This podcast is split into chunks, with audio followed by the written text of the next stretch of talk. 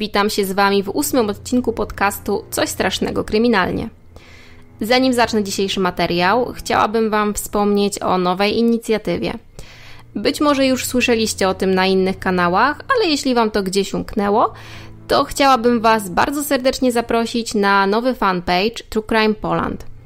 E, w tym miejscu publikowane są nowe odcinki polskich podcastów kryminalnych, także jeżeli chcecie być na bieżąco, być może poznać też nowe kanały czy nowych twórców, to jak najbardziej to miejsce warto znać i śledzić. E, link do profilu znajdziecie w opisie odcinka. Także zachęcam, zapraszam.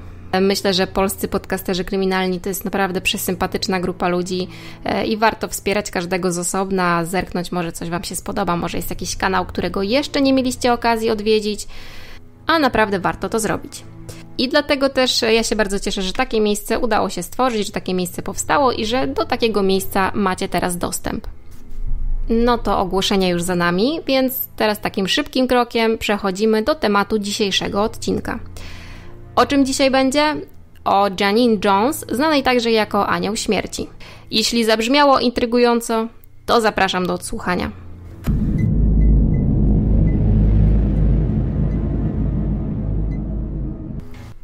Janine Jones urodziła się 13 lipca 1950 roku w mieście San Antonio w stanie Teksas.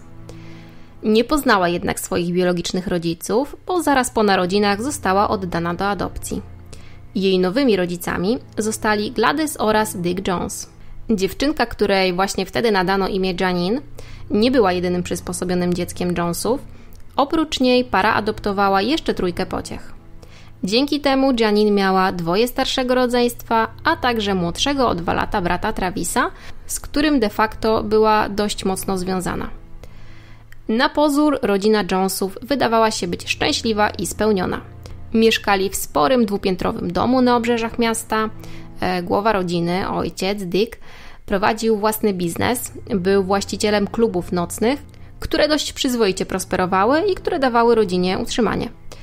Niestety Dick był nie tylko właścicielem nocnych klubów, ale także pasjonatem nocnego życia w mieście. Taki styl życia no, jest raczej dosyć trudno pogodzić z życiem rodzinnym przykładnego męża czy ojca. E, I to wkrótce dało się odczuć także w rodzinie Jonesów. Przez ten taki, no powiedzmy sobie, dość swobodny styl życia Dicka, jego biznes przestał prosperować tak dobrze, jak na początku działalności. Co za tym idzie, pojawiło się też trochę problemów i niestety znacznie mniej pieniędzy. I jak to z reguły bywa w takiej sytuacji, zwiększały się natomiast potrzeby rodziny. Dick próbował nowego biznesu, tym razem e, wymyślił sobie, że zostanie restauratorem i próbował otworzyć knajpkę, ale niestety pomysł nie wypalił. W 1960 roku pan Jones został aresztowany przez policję pod zarzutem kradzieży. To jest dość dziwna sprawa. Do domu jednego z mieszkańców San Antonio włamano się pod nieobecność właściciela i skradziono safe, w którym było około 1,5 tysiąca dolarów w gotówce i biżuteria. Sobie tylko znanym sposobem policja powiązała tę sprawę z Dickiem Jonesem, bo w czasie włamania okradziony właściciel domu bawił się akurat w jego klubie nocnym. Panowie się mniej lub bardziej znali, ale Dick musiał wiedzieć, że podczas dokonywania włamu nie natknie się na nikogo i no zaryzykował. Podczas przysłuchania śledczym przyznał się od razu, przy czym stwierdził, że to włamanie to był z jego strony po prostu żart. Nie powiem, ciekawe poczucie humoru, no ale grunt, że jakieś ma. W każdym razie on nie poniósł jakichś większych konsekwencji tego występku. No ale to też jednak nie poprawiło w żaden sposób sytuacji finansowej jego rodziny. Kluby już nie dawały takiego zysku, restauracja nie wypaliła, więc jako taki człowiek czynu, Dick postanowił zacząć działać. No i zrobił to, co potrafił robić najlepiej. Założył firmę. Założył firmę, która rozwieszała billboardy. I o dziwo, to się przyjęło. Pan Jones miał coraz więcej zleceń, ale aby je wykonywać, musiał podróżować po całym stanie. No a to też wiązało się z tym, że coraz rzadziej bywał w domu. A w rodzinie też niestety przestało się układać sielankowo. Dzieciaki dorastały, stawały się nastolatkami. Każdy z nich miało jakiś charakterek i Gladys próbowała nad tym wszystkim zapanować. No ale łatwo niestety nie było. Janine miała wtedy około 11-12 lat i wchodziła w okres nastoletniego buntu. I to tak wchodziła w ten okres buntu z przytupem. I dziewczyna czuła się wyobcowana. Miała problemy z dopasowaniem się do otoczenia, nawet do tego najbliższego otoczenia, czyli do swojej rodziny. Uważała, że rodzice poświęcają jej zbyt mało czasu, że jest ich najmniej kochanym dzieckiem. I ona tych emocji w sobie raczej nie tłumiła. Ona głośno mówiła o tym, że jej zdaniem cała rodzina uważa ją za czarną owcę. Trudno jest stwierdzić, czy rzeczywiście to rodzeństwo i rodzice tak nawet nieświadomie odsuwali się od Janine. Trudno jest stwierdzić, czy rzeczywiście to rodzeństwo i rodzice nawet nieświadomie odsuwali się od Janine, czy też ona sama budowała wokół siebie mur i odrzucała tą bliskość, którą jej oferowali. W każdym razie dziewczyna była też bardzo zakompleksiona. E, Janine była niska, dość pulchna e, i bardzo się sobie nie podobała. Zresztą właśnie przez te kompleksy też unikała kontaktów towarzyskich w szkole wśród rówieśników. Wśród rówieśników miała opinię nawet nie tyle outsiderki, co nawet bym powiedziała takiej trochę agresywnej, takiej dziwnej dziewczyny, która tak właściwie sama nie do końca wie, o co jej chodzi. Co ciekawe, Janine pomimo unikania kontaktów towarzyskich była świetną manipulatorką. Miała też tendencję do takiego stawiania siebie w roli ofiary. To był taki jej ulubiony sposób na zwrócenie na siebie uwagi. Gdy jej ojciec Dick wystartował z nowym biznesem, Janine e, często podróżowała z nim po stanie. To w sumie wyszło jej na dobre, bo oni mogli spędzić ze sobą trochę więcej czasu i dziewczyna była zadowolona, że to właśnie ona jest teraz w centrum zainteresowania swojego taty i że żadne z rodzeństwa tak jakby mm, nie kradnie jej tej uwagi. Zresztą źródła podają, że Janine uważała, że ten czas spędzony w podróży z tatą był jednym z najszczęśliwszych okresów w jej życiu. Janine dorastała i w miarę upływu czasu bardzo poprawiła swój kontakt z najmłodszym bratem, z Travisem. Oni jako dzieci też bardzo dobrze się rozumieli, ale później przez bunt Janine i przez te problemy, które sprawiała, odsunęli się od siebie. Na szczęście te relacje udało się naprawić i Janine sama mówiła, że Travis to taki jej ulubiony brat. Rodzeństwo zresztą starało się spędzać ze sobą masę czasu. Oni trzymali też w domu taki jeden front przeciwko całej reszcie. Ale niestety to skończyło się, kiedy Travis zginął. A zginął tragicznie w wieku 14 lat. On i Janine spędzali czas w sklepie ojca i nastolatek postanowił skonstruować swoją własną bombę. No i pech chciał, że ta bomba wybuchła prosto w jego twarz. Jak się można domyślać, w wyniku poniesionych obrażeń, Travis zginął na miejscu. Ta tragedia oczywiście odbiła się na całej rodzinie Jonesów, ale w sumie wydawało się, że szczególnie mocno to zdarzenie dotknęło właśnie Janine. Doszło nawet do takiego incydentu podczas pogrzebu chłopaka, że Janine dosłownie wpadła w taką straszną histerię, a później zemdlała. I to jest oczywiście jak najbardziej zrozumiałe, bo każdy na swój sposób przeżywa takie rzeczy. Przy czym nastolatka miała opinię manipulatorki i kłamczuchy, więc niektórzy wcale nie uwierzyli w, nazwijmy to, szczerość jej reakcji. Uważano natomiast, że z jej strony to była bardzo dobra gra aktorska, zastosowana tylko po to, żeby zwrócić na siebie uwagę. I to tylko pokazuje, jak bardzo środowisko nie ufało Janine, jaką złą opinię miała tak naprawdę w swoim mieście wśród najbliższych sąsiadów. Niestety tragiczna śmierć Travisa wcale nie była końcem problemów rodziny Jonesów. Wręcz wydaje się, że to był dopiero początek tragedii, które dopiero miały się wydarzyć. Rok później, w 1967 roku, gdy Janine miała 17 lat i była w ostatniej klasie liceum, u jej ojca zdiagnozowano nowotwór. Choroba postępowała bardzo szybko, a Dick nie chciał się leczyć i niestety zmarł kilka dni po świętach Bożego Narodzenia właśnie w 1967 roku. To było kolejnym ogromnym wstrząsem dla tej rodziny. Trudno im się było podnieść z dwóch tragedii, które nastąpiły tak naprawdę rok po roku. I każdy z członków tej rodziny starał się przejść tą żałobę na swój własny sposób. Janine, która właśnie miała kończyć liceum, była w podwójnie trudnej sytuacji, bo ona tak naprawdę nie wiedziała, co ze sobą zrobić po szkole i uznała, że najlepszym wyjściem będzie wyjście za mąż. Jej decyzja bardzo nie spodobała się matce. Gladys uważała, że po pierwsze minęło zbyt mało czasu od straty Dicka i Travisa, a po drugie uważała, że Janine jeszcze nie dorosła do małżeństwa. Kobiety strasznie się o to kłóciły, a Gladys przez to wszystko zaczęła coraz częściej topić smutki w alkoholu. No i generalnie to wszystko zmierzało w bardzo złą stronę. Janine też nie posłuchała matki. Po skończeniu liceum postanowiła zrealizować swój plan zostania żoną e, i związała się ze swoim byłym chłopakiem, Jamesem DeLaby Jr. On podobnie jak Janine był takim trochę odrzutkiem, trochę był niedopasowany do całej społeczności, więc w sumie para dosyć dobrze się dobrała pod tym względem. I teraz tak, niektóre źródła twierdzą, że młodzi, że tak to ujmę, dobrowolnie wzięli ślub. Inne z kolei uważają, że Janine troszeczkę pomogła szczęściu i okłamała Jamesa, że jest z nim w ciąży. W każdym razie ślub się odbył, ale młode małżeństwo szczęśliwe nie było. Wydaje mi się, że dla Janine ten ślub miał być taką próbą zaklejenia ran po stracie ojca, po stracie brata, czyli tak naprawdę dwóch najbliższych jej osób.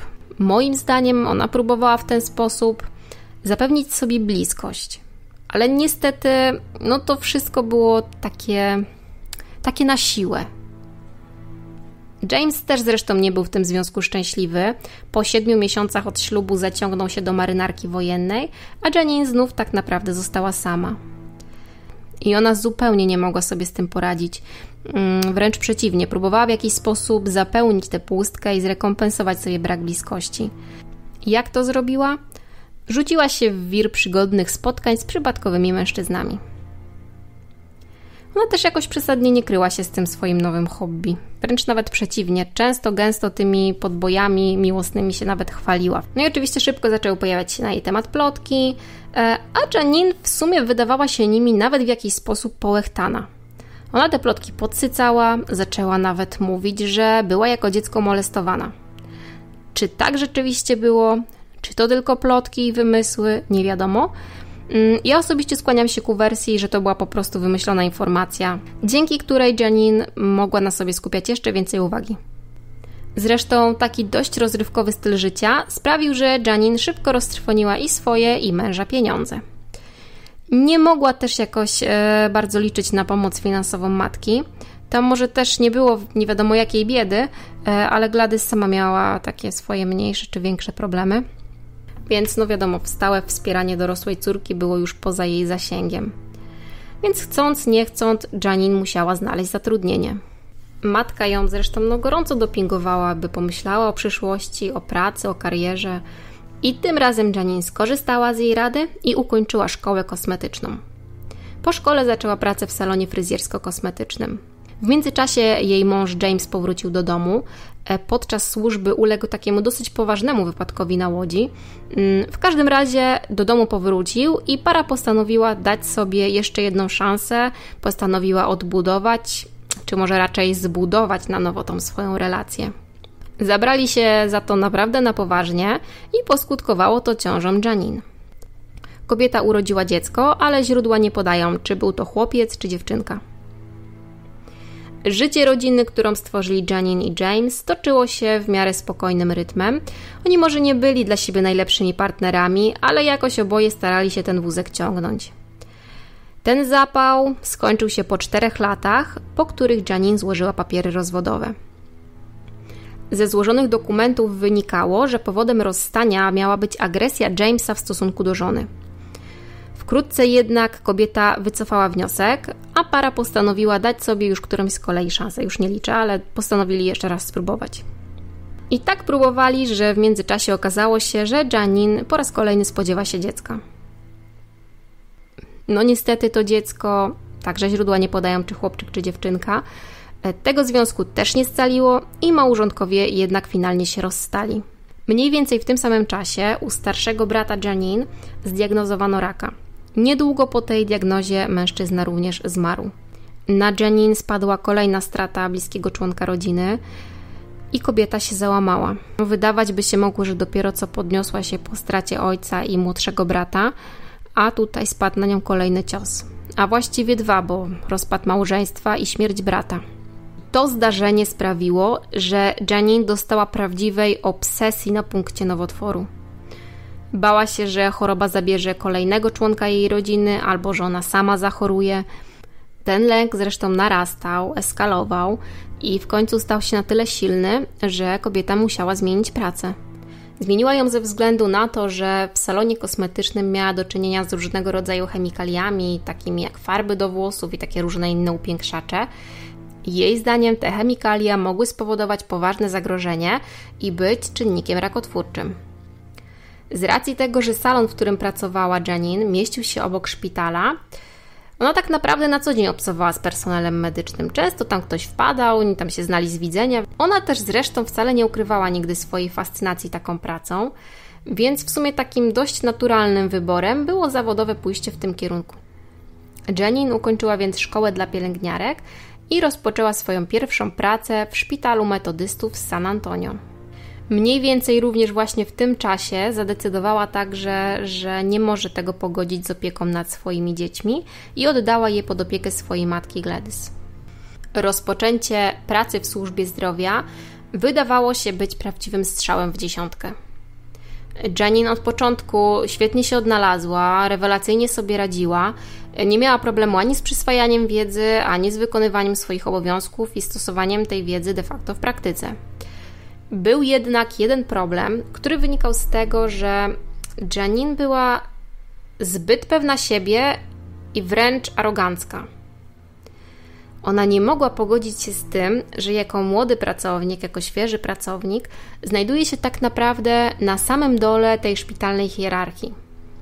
I wydawała się bardzo zdeterminowana, aby zdobywać wiedzę medyczną, ale przy tym też nie nabierała pokory. Wręcz przeciwnie, ona próbowała swoje otoczenie diagnozować.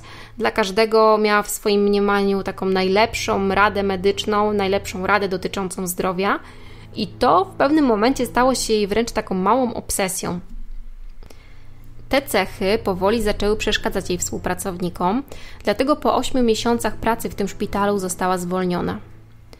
W powodach, przez które taka decyzja została podjęta, wymieniono m.in. to, że Janine próbuje samodzielnie podejmować decyzje, do których nie ma uprawnień.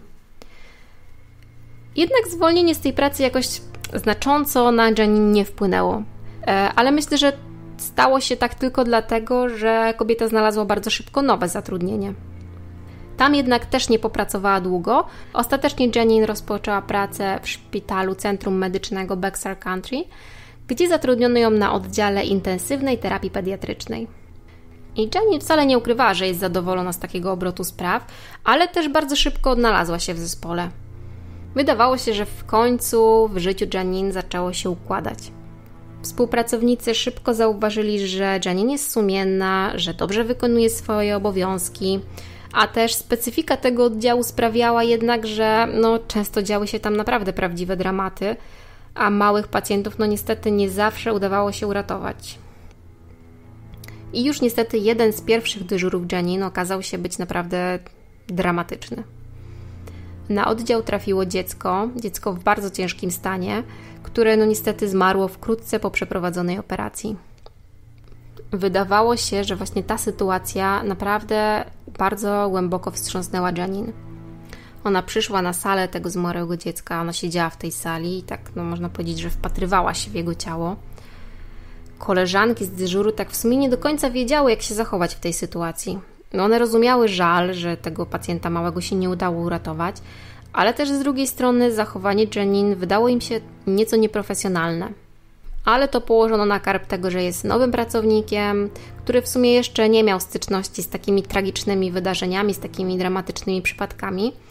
E, no i tym bardziej, że Janine wydawała się być naprawdę taka bardzo, bardzo zaangażowana w opiekę nad pacjentami.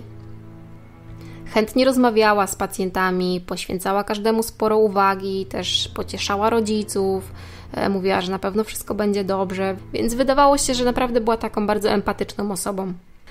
Ale pomimo tej całej empatii, tej, tej sympatii, którą okazywała wszystkim pacjentom, Janine miała bardzo poważny problem z wydawaniem leków. Doszło do tego, że w ciągu jednego roku popełniła aż 8 bardzo poważnych błędów, które mogły skutkować bardzo konkretnymi konsekwencjami zdrowotnymi dla pacjentów, a nawet ich śmiercią. Kolejnym problemem było to, że zdarzały się też takie sytuacje, w których Janine odmawiała wykonania przy pacjencie jakiegoś zabiegu. Czy to podania leku, czy to podania zastrzyku, czy podania kroplówki. Ona to motywowała tym, że jej zdaniem nie jest to dla tego pacjenta najlepsze.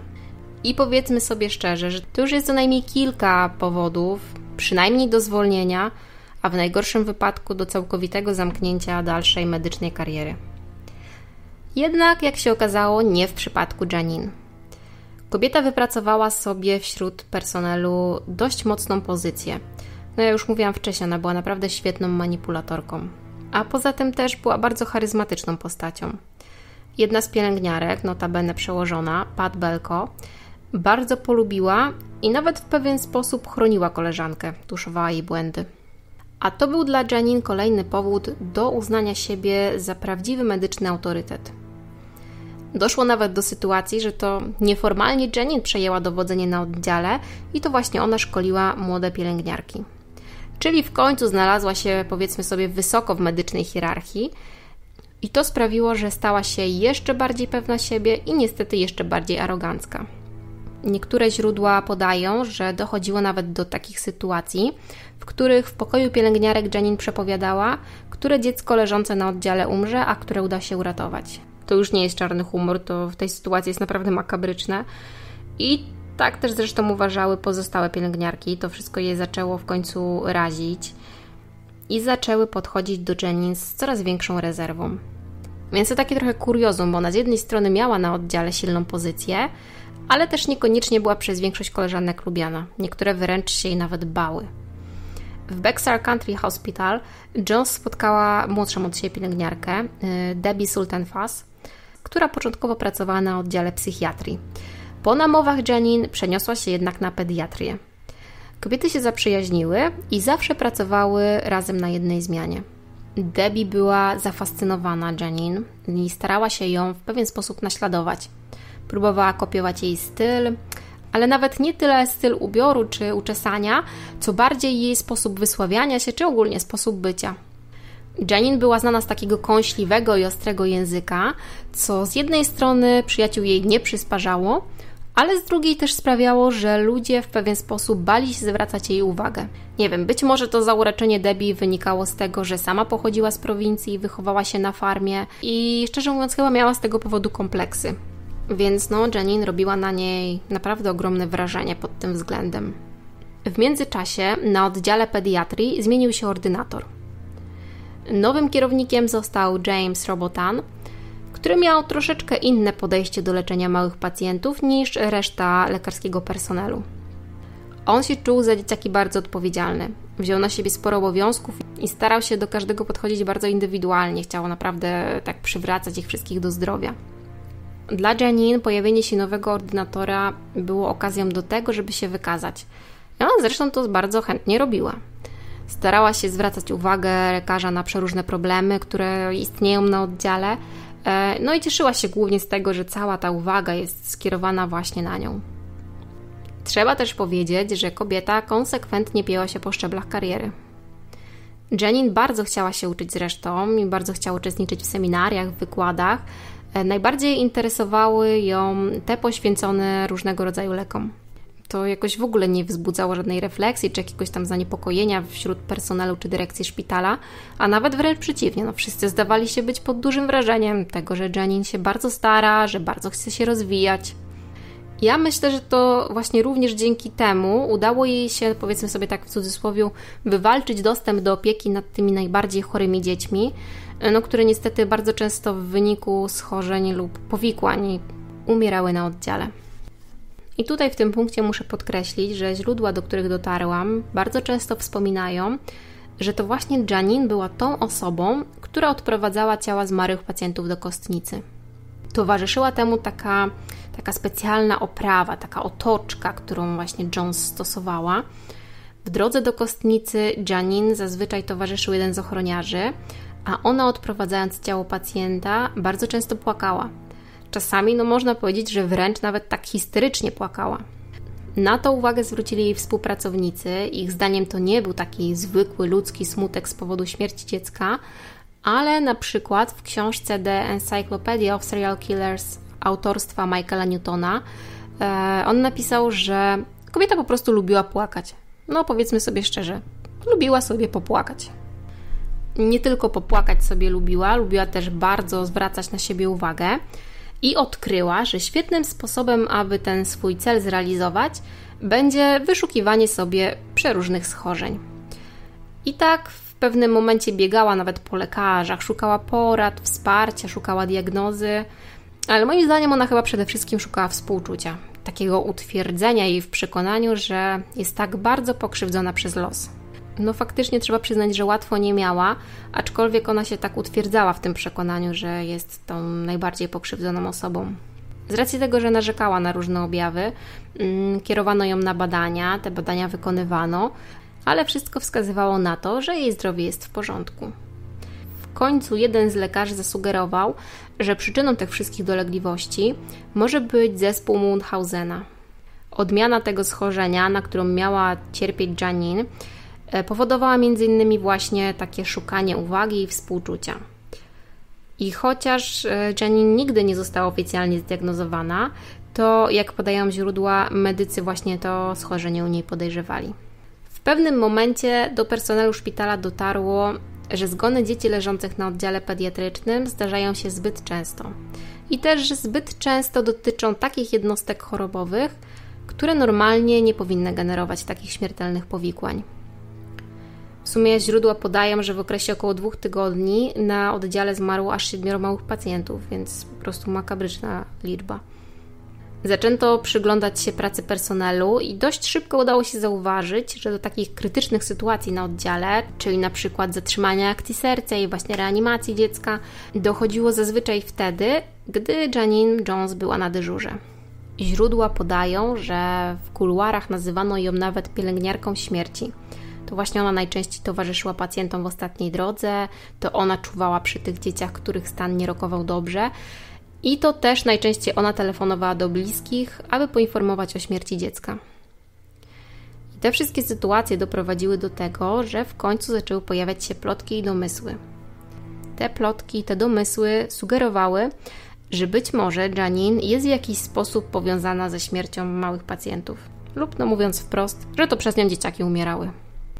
Jedną z pielęgniarek, która zauważyła to powiązanie, była Susana Maldano, Kobieta pracowała na oddziale dosyć krótko, ale no była bardzo zaangażowana w swoje obowiązki postanowiła zgłosić swoje podejrzenia przełożonej Pat Belko.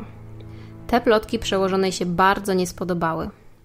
Na początku naprawdę zaciekle broniła Janine właściwie jej zdaniem te wszystkie niepochlebne, czy wręcz nawet oskarżające słowa w kierunku koleżanki z oddziału e, były wynikiem zazdrości o zdolności, umiejętności, jakimi zdaniem Pat odznaczała się Janine – a drugą kwestią było to, że przynajmniej według źródeł, do których dotarłam, Pat najzwyczajniej w świecie nie lubiła Suzany i niespecjalnie jej się podobało to, że no w jej mniemaniu próbuje siać zamęt na oddziale.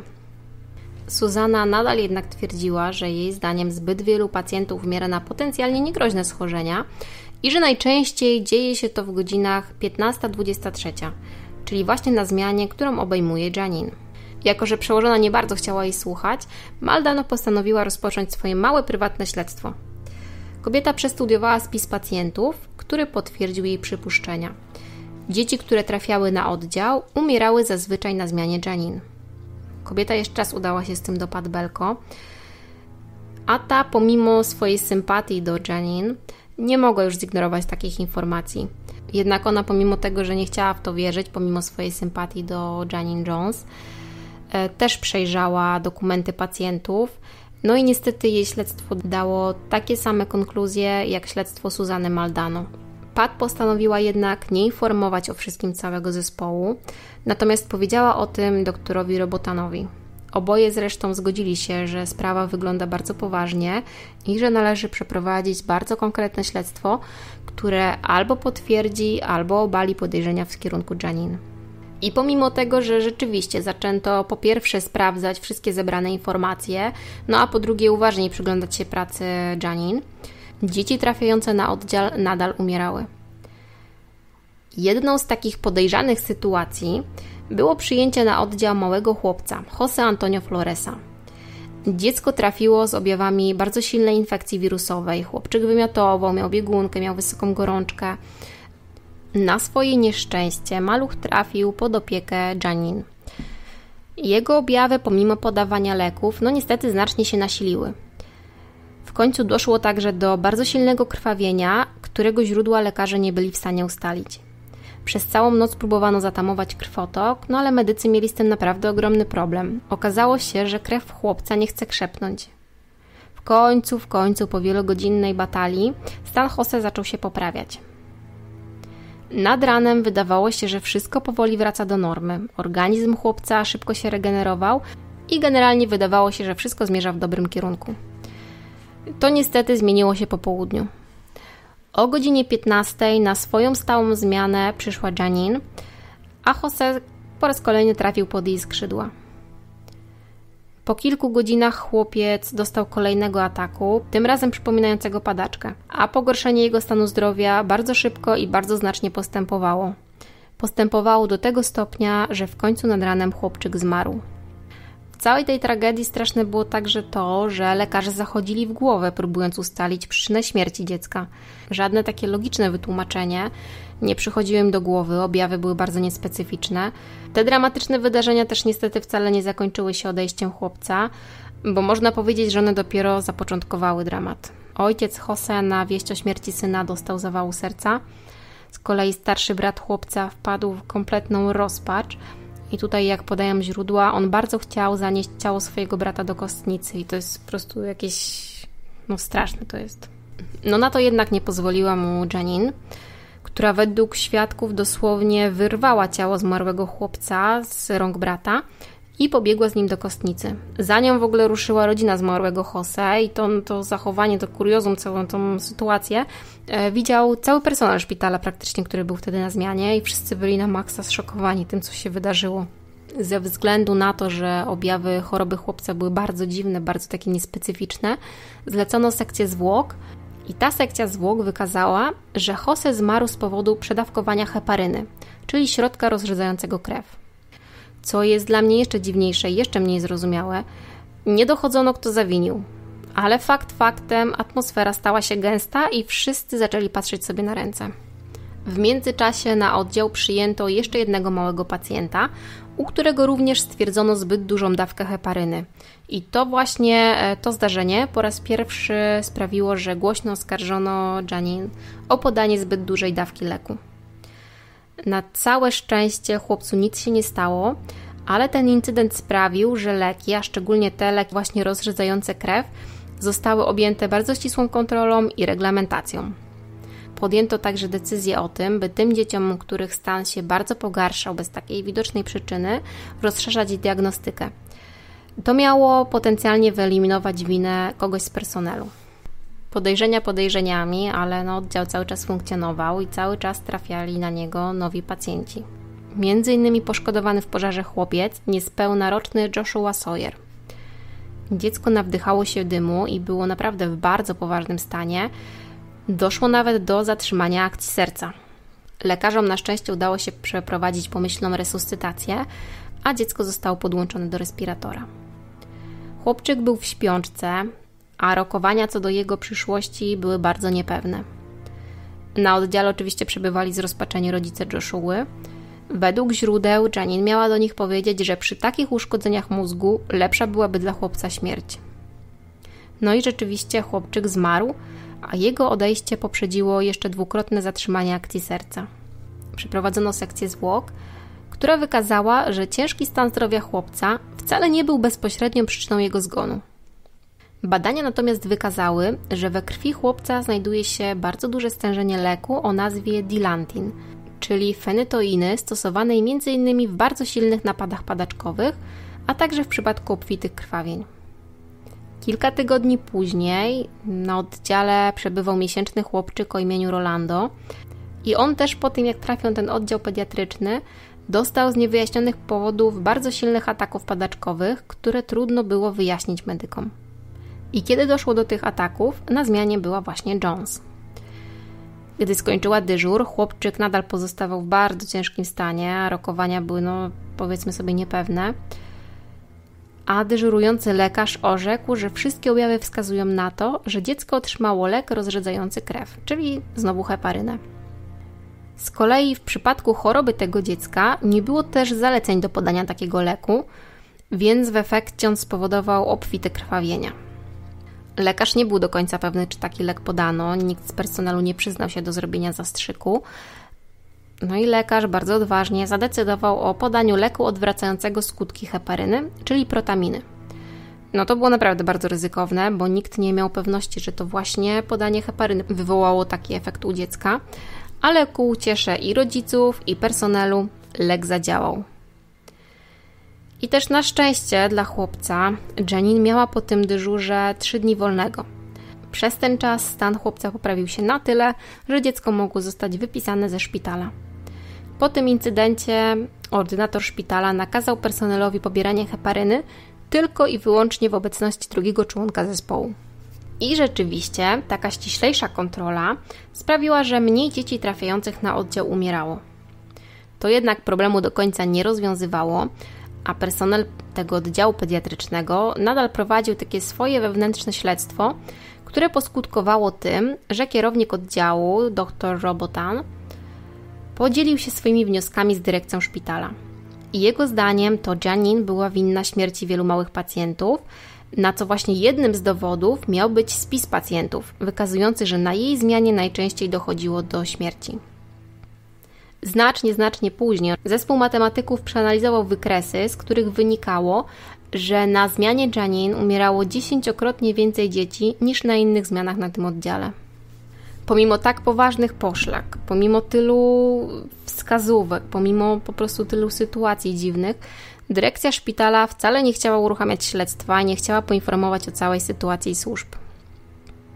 Nie chciano tego zrobić, bo obawiano się linczu i tego, co mogłoby się stać, gdyby o całej sprawie zaczęły mówić media. Ordynator oddziału pediatrycznego jednak nie chciał odpuścić. Przez cały czas przyglądał się pracy Jones, przez cały czas przyglądał dokumenty. Według danych, które skompletował, w okresie od maja do grudnia 1981 roku na oddziale intensywnej terapii pediatrycznej zmarło aż 10 dzieci. Co jeszcze straszniejsze, ich śmierć nie miała żadnej konkretnej przyczyny, a pogorszenie stanu zdrowia przychodziło nagle i niespodziewanie. I co się jeszcze okazało, przy każdym z dziesięciorga zmarłych pacjentów obecna była Janine Jones. Niestety te informacje nie były wystarczające do tego, by formalnie Janine oskarżyć. Po kolejnej sytuacji, jaka miała miejsce, tuż po trudnej operacji jednego z małych pacjentów, który zmarł kilka godzin po jej zakończeniu, e, dr James i Pat Belko utworzyli taki specjalny komitet, który miał oficjalnie zbadać przyczyny śmierci dzieci.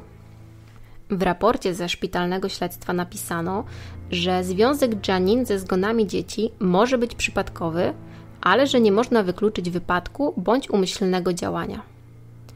Tak jak już powiedziałam, szpital bał się pozwu.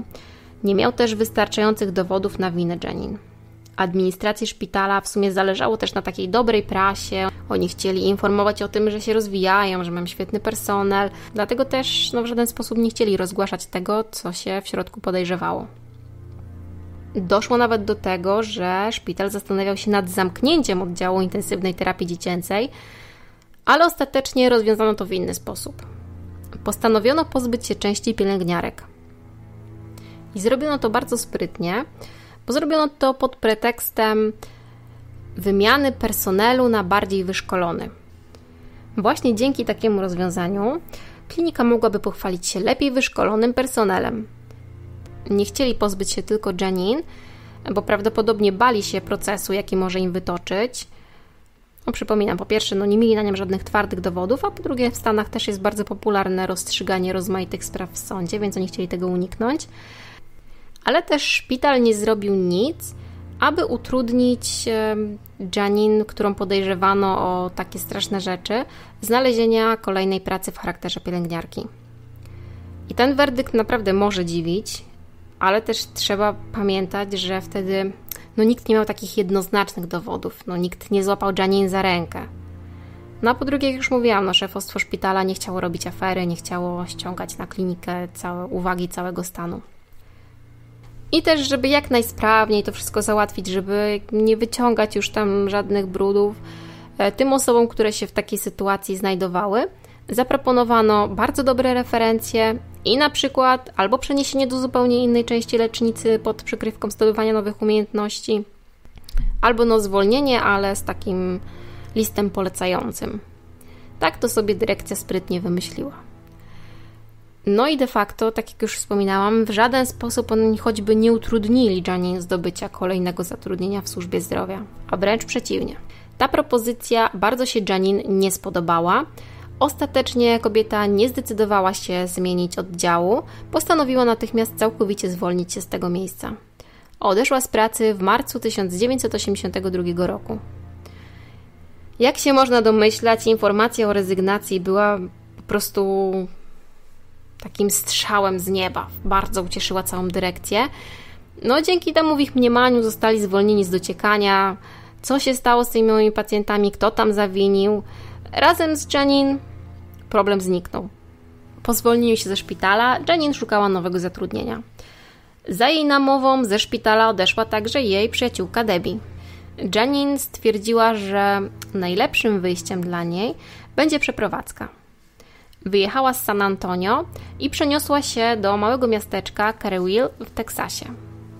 Notabene, co jest po prostu taką wisienką na torcie całej tej sprawy, ta miejscowość była znana z tego, że tam bardzo często odbywały się obozy i letnie kolonie dla dzieci. Kobieta bardzo szybko znalazła nowe zatrudnienie. E, I tutaj źródła podają sprzeczne informacje. Ja Wam podam obie wersje, jakie znalazłam.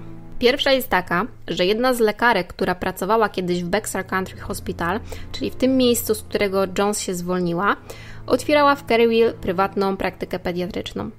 No i w związku z tym poszukiwała pielęgniarki i postanowiła zatrudnić Janine. I tak jak mówiłam, w źródłach pojawiają się informacje, które mówią o tym, że lekarce delikatnie ktoś tam gdzieś napomknął, że to nie jest najlepszy pomysł, ale kobieta też nie do końca wierzyła w te plotki o Janine, w tą winę, którą próbowano jej udowodnić. E, raczej uważała ją za taką ofiarę spisku i postanowiła dać jej szansę u siebie. W sumie nawet w niektórych źródłach pojawia się informacja, że lekarka nie tylko zatrudniła Janine, ale nawet pomogła jej z wynajmem pokoju dla niej i dla jej dzieci, bo Janine postanowiła zamieszkać teraz razem ze swoimi dziećmi i odebrać je swojej matce. Natomiast druga wersja mówi o tym, że kobieta zasugerowała się tym listem polecającym, który e, wystawiono wszystkim odchodzącym z Bexar Country Hospital pielęgniarkom. Nie zmienia się jednak fakt, że Janine rzeczywiście rozpoczęła pracę w prywatnej praktyce dr Holland. Kobieta rozpoczęła takie nowe życie w nowym miejscu. E, z nią do tego miasteczka przeprowadziła się zresztą także jej przyjaciółka Debbie. E, kobiecie też zresztą nawet udało się podjąć zatrudnienie w pobliskim szpitalu.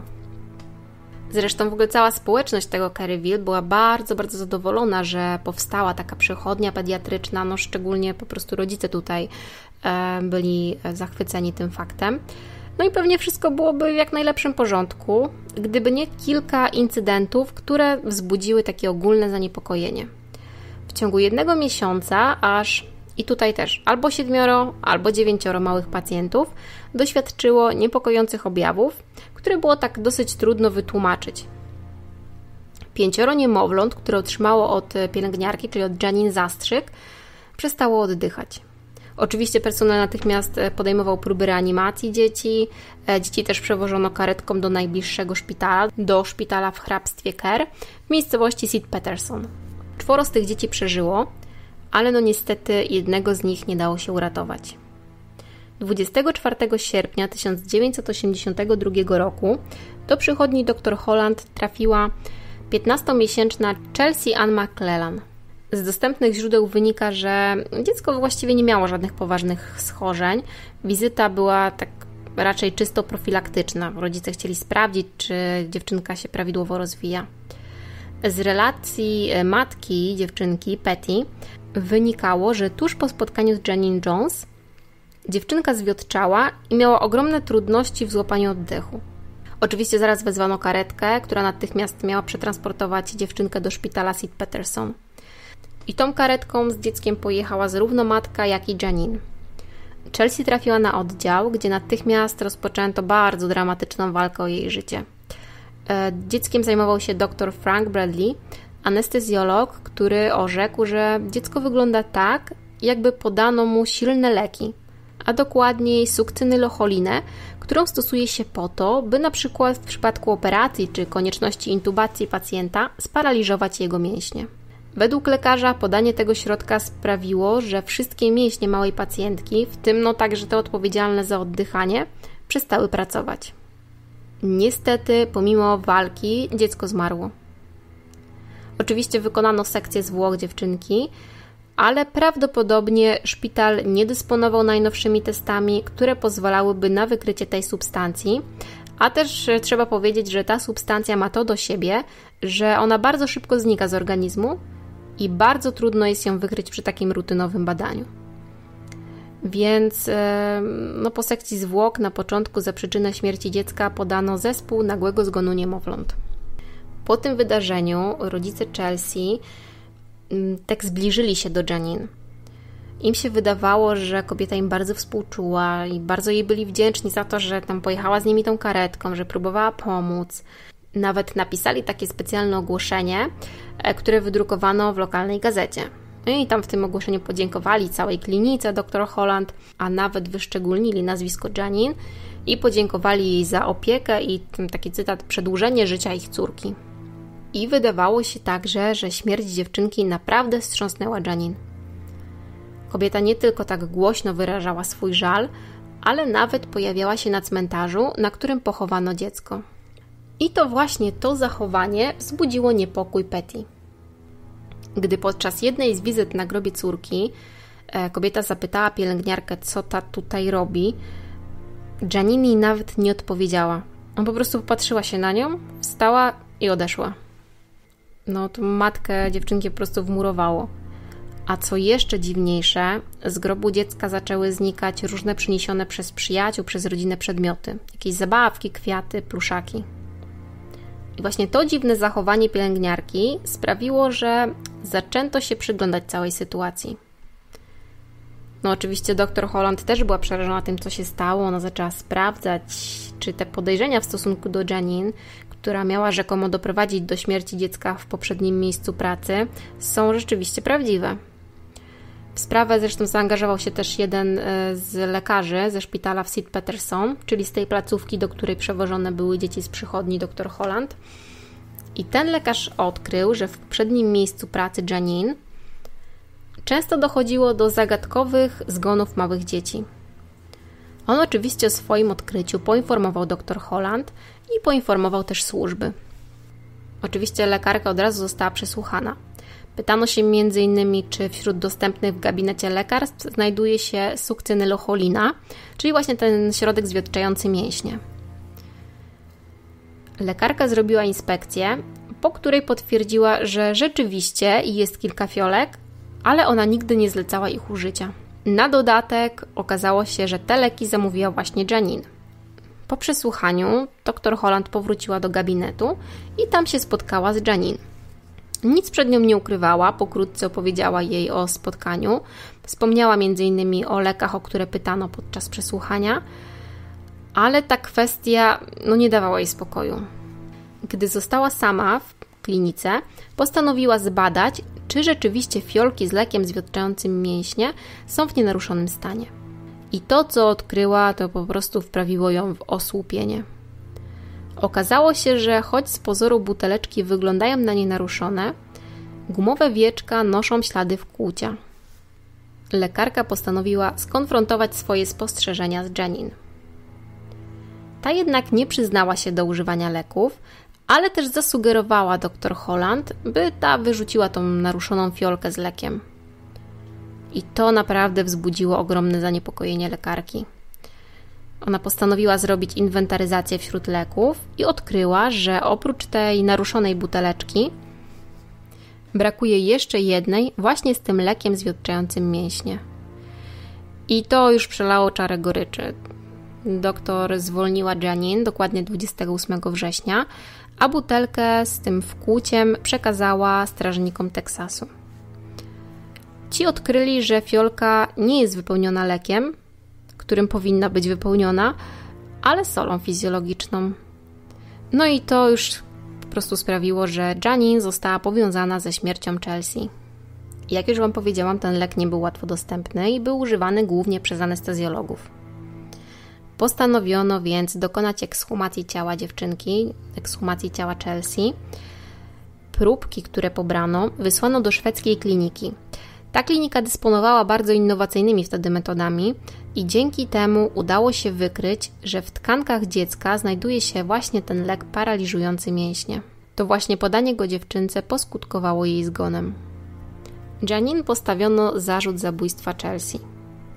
I to sprawiło, że kobieta próbowała popełnić samobójstwo.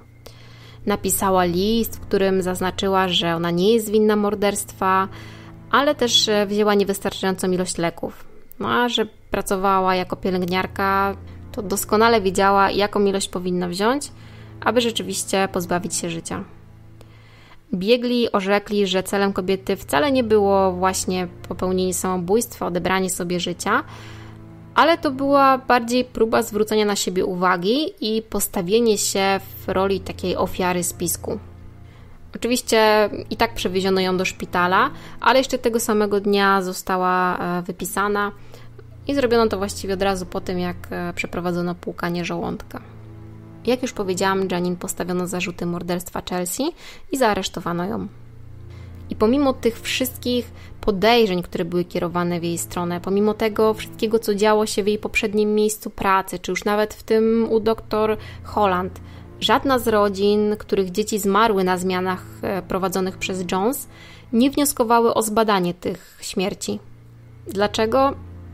No, niektóre źródła twierdzą, że te rodziny były zbyt ubogie i po prostu najzwyczajniej w świecie nie stać by ich było na sądową batalię. Są też źródła, które podają, że rodziny tamtych dzieci nie bardzo miały jak podważać działania szpitala. No, po prostu bały się procesu, no, być może byli to ludzie prości, niewykształceni i nie do końca wiedzieli, w jaki sposób mogą te kwestie ugryźć. Tak więc na Janine ciążył tylko jeden zarzut, tylko zarzut zabójstwa Chelsea. I choć doprowadzono do procesu, to tak naprawdę bardzo trudno było udowodnić pielęgniarce wina. Niby wszyscy znali plotki, niby wszyscy podejrzewali, co się stało, niby znane były okoliczności śmierci dziewczynki, ale gdy przyszło do składania zeznań, nikt tak do końca nie był w stanie powiedzieć, kiedy Janine Jones zrobiła śmiertelny zastrzyk. Powstała specjalna komisja, która analizowała wszystkie przypadki zgonów e, dzieci w miejscach, w których dyżury miała Janine. No i mówię, wszystko łączyło się w całość.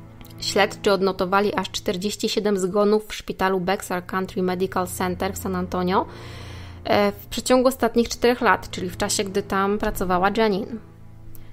Przesłuchiwano też personel, który pracował z Jones. No badano po prostu wszelkie, wszelkie możliwości.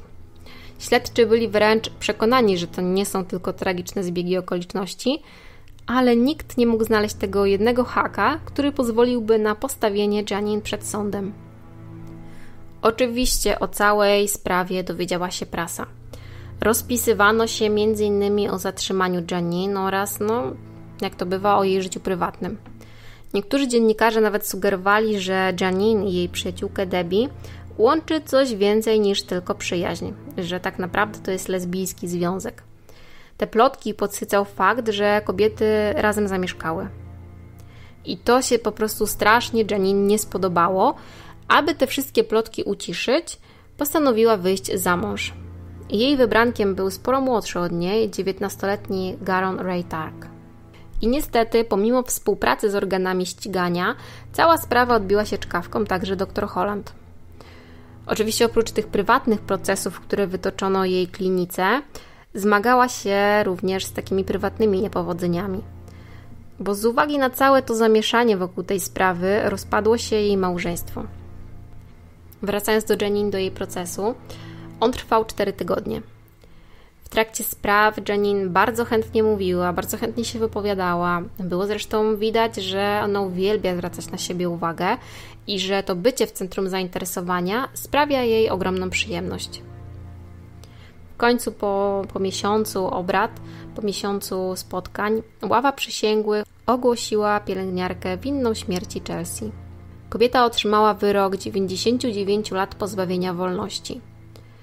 To jednak nie był jeszcze koniec jej sprawy, bo do zarzutów udało jej się dodać próbę podania heparyny w Bexar i tym samym wyrządzenie szkody dziecku. I za to działanie uznano ją za winną i przyznano jej karę 60 lat pozbawienia wolności, ale finalnie łączny wymiar kary wyniósł 99 lat. I to jeszcze nie jest koniec tej sprawy, bo ogromnym problemem okazał się fakt, że na mocy uchwalonego w stanie Teksas prawa każdy przestępca skazany pomiędzy 77 a 87 rokiem podlega zwolnieniu warunkowemu za dobre sprawowanie. I takie prawo zostało uchwalone m.in. po to, aby zapobiec przeludnianiu więzień. I też według tego prawa Janine Jones miała wyjść na wolność 1 marca 2018 roku.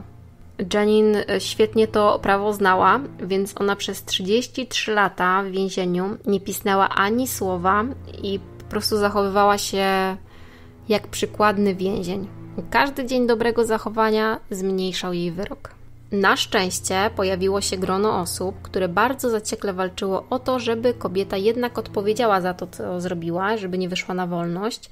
Bo trzeba też podkreślić, że podczas procesu Janine nigdy nie przyznała się do tego, co zrobiła. W więzieniu, tak jak już też mówiłam, trzymała język ze zębami, nie odpowiadała na żadną z zaczepek, y, też nigdy nie przyznała się, chociażby nieformalnie, do tego, co zrobiła jakiejś tam swojej więziennej koleżance.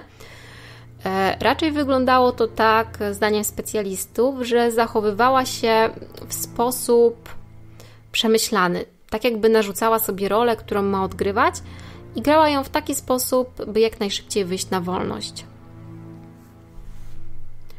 No i tak jak już mówiłam, pojawiła się grupa ludzi, która no nie chciała dopuścić do tego, żeby Janine wyszła przedwcześnie na wolność i która bardzo aktywnie działała, by tak się nie wydarzyło.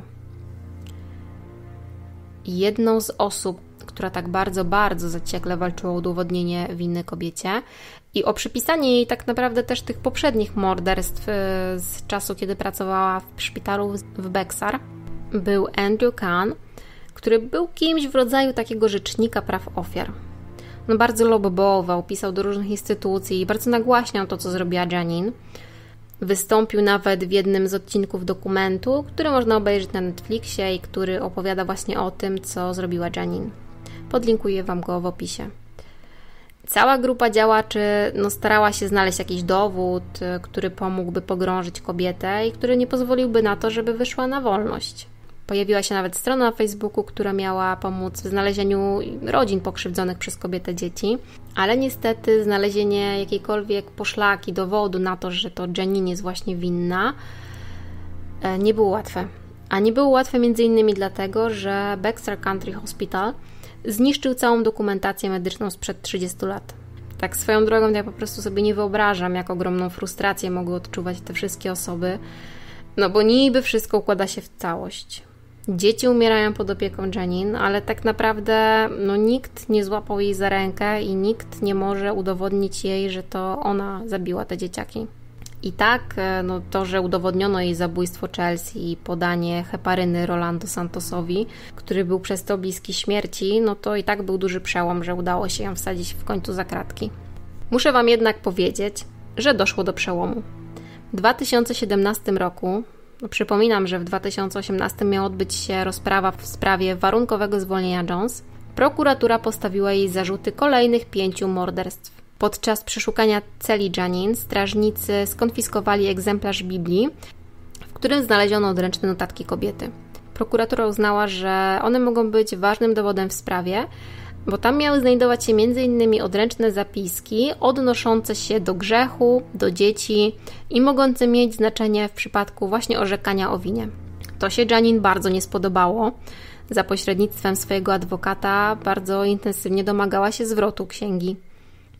I jeszcze przed procesem o morderstwa odbył się proces, podczas którego adwokat Janine Cornelius Cox Wystąpił o zwrot Biblii, argumentując to faktem, że jest to przedmiot osobisty jego klientki, a prokuratura w żaden sposób nie uargumentowała, że zapiski Jenin mogą świadczyć o jej winie. Sędzia Frank Castro odrzucił wniosek obrony, ale jednocześnie nie pozwolił na to, by którakolwiek ze stron postępowania przekazała szczegóły sprawy mediom no, przed procesem obrona po prostu robiła wszystko, żeby do niego nie doprowadzić. Wnioskowano badania psychiczne Jones, starano się dowieść, że ona po prostu nie jest Starano się dowieść, że ona po prostu nie jest w stanie odpowiadać przed sądem. Ale po przeprowadzeniu wszystkich badań orzeczono, że z nią jest wszystko w porządku, a przynajmniej na tyle w porządku, by proces mógł się w spokoju odbyć. I choć cały dramat rozpoczął się w latach 80., to tak naprawdę sprawa nadal się toczy. W styczniu tego roku doszło do naprawdę takiego bardzo dużego przełomu w sprawie. Janine Jones przyznała się bowiem do zabójstwa 11-miesięcznego Joshua Sayera, czyli tego chłopca, o którym już Wam mówiłam wcześniej, który trafił do szpitala Bexar po pożarze, podczas którego nawdychał się dymu. Jednak zanim do tego doszło, że Janine się przyznała, postawiono jej zarzut zamordowania czwórki innych małych pacjentów w wieku od 3 miesięcy do 2 lat. Te dzieciaki, o których mowa, leżały w Bexar Country Hospital. I byli to Ricky Nelson, który przebywał tam w lipcu 1981 roku, Rosemary Vega, która była pacjentką we wrześniu 1981 roku, Paul Villarel, który również e, leżał w szpitalu we wrześniu 1981 roku, a także Patrick Zawala, który w szpitalu zmarł w styczniu 1982 roku. Po przyznaniu się do winy w sprawie o morderstwo Joshua, na mocy ugody cztery kolejne zarzuty oddalono. I tak, dzięki tak naprawdę determinacji osób porażonych ogromem tych krzywd, które Jenin wyrządziła, e, kobieta została skazana na dożywocie. Będzie mogła ubiegać się o zwolnienie warunkowe, ale dopiero wtedy, kiedy skończy 87 lat. No, sprawa jest no po prostu straszna. Jest bardzo emocjonalna, no bo jednak chodzi o bezbronnych pacjentów, o dzieciaki, które straciły życie w takich okolicznościach. No, no naprawdę makabra. Zresztą w tej sprawie głos bardzo często zabierała matka zamordowanej Chelsea, Betty, ale na nieszczęście ona wyroku skazującego nie doczekała. Zmarła bodajże w 2019 roku. O sprawie Jones było bardzo głośno, jest mm, dosyć dużo opracowań na ten temat. Kto ma ochotę, może poczytać. Jest masa artykułów w zagranicznej prasie. Powstały też publikacje książkowe. Nawet poświęcono Janine jeden odcinek dokumentu o pielęgniarkach, które zabijają. On jest dostępny na Netflixie. Już Wam zresztą chyba tam wspominałam wcześniej, wrzucę tytuł w opisie do odcinka. Ja oglądałam ten odcinek i on się skupia raczej już na tej zawodowej drodze Janine, ale kto ma ochotę, jest nadal dostępny i można sobie tam zerknąć. W sprawie głos zabierało oczywiście sporo psychologów, sporo ekspertów i oni podkreślali, że Janine uwielbiała tak zwane kryzysy. Pracę w takich trudnych warunkach, kiedy działo się coś ważnego, coś trudnego, być może dlatego, że dawało jej to poczucie kontroli, takiego bohaterstwa. Już też Wam wcześniej wspomniałam, że podejrzewa się, chociaż nie jest to oficjalnie zdiagnozowane, e, że Janine cierpi na zastępczy zespół Munchausena. I to właśnie to zaburzenie miało być jednym z motywów jej działania. Zespół Munchausena miał powodować, że kobieta wywoływała u dzieci takie trudne objawy, takie kryzysy zdrowotne, E, I w jej mniemaniu to właśnie ona miała być tą osobą, która te dzieci uratuje. Miała być taką bohaterką, wiecie, taką panią życia i śmierci. No niestety w głównej mierze była panią śmierci. Po prostu jeszcze raz podkreślę, że sprawa jest straszna, szczególnie gdy zwrócimy uwagę na to, ile osób ucierpiało przez Janin. Bo to tak naprawdę nie tylko te małe ofiary, ale też ich najbliżsi. Dobra, no to jest tyle na dziś ode mnie. Mam nadzieję, że odcinek Was zaciekawił i że o tej sprawie wcześniej nie słyszeliście. Ja się staram sięgać po takie właśnie mniej znane sprawy w Polsce i takie jeszcze nieprzerabiane tematy, ale jeżeli coś już słyszeliście, jeżeli macie informacje, których nie podałam, do których się nie dogrzebałam, to podzielcie się w komentarzu. Ja chętnie poczytam i myślę, że inni też skorzystają. Tymczasem dzięki za odsłuchanie i jeszcze raz zapraszam na fanpage True Crime Poland i do usłyszenia w kolejnym odcinku mojego podcastu.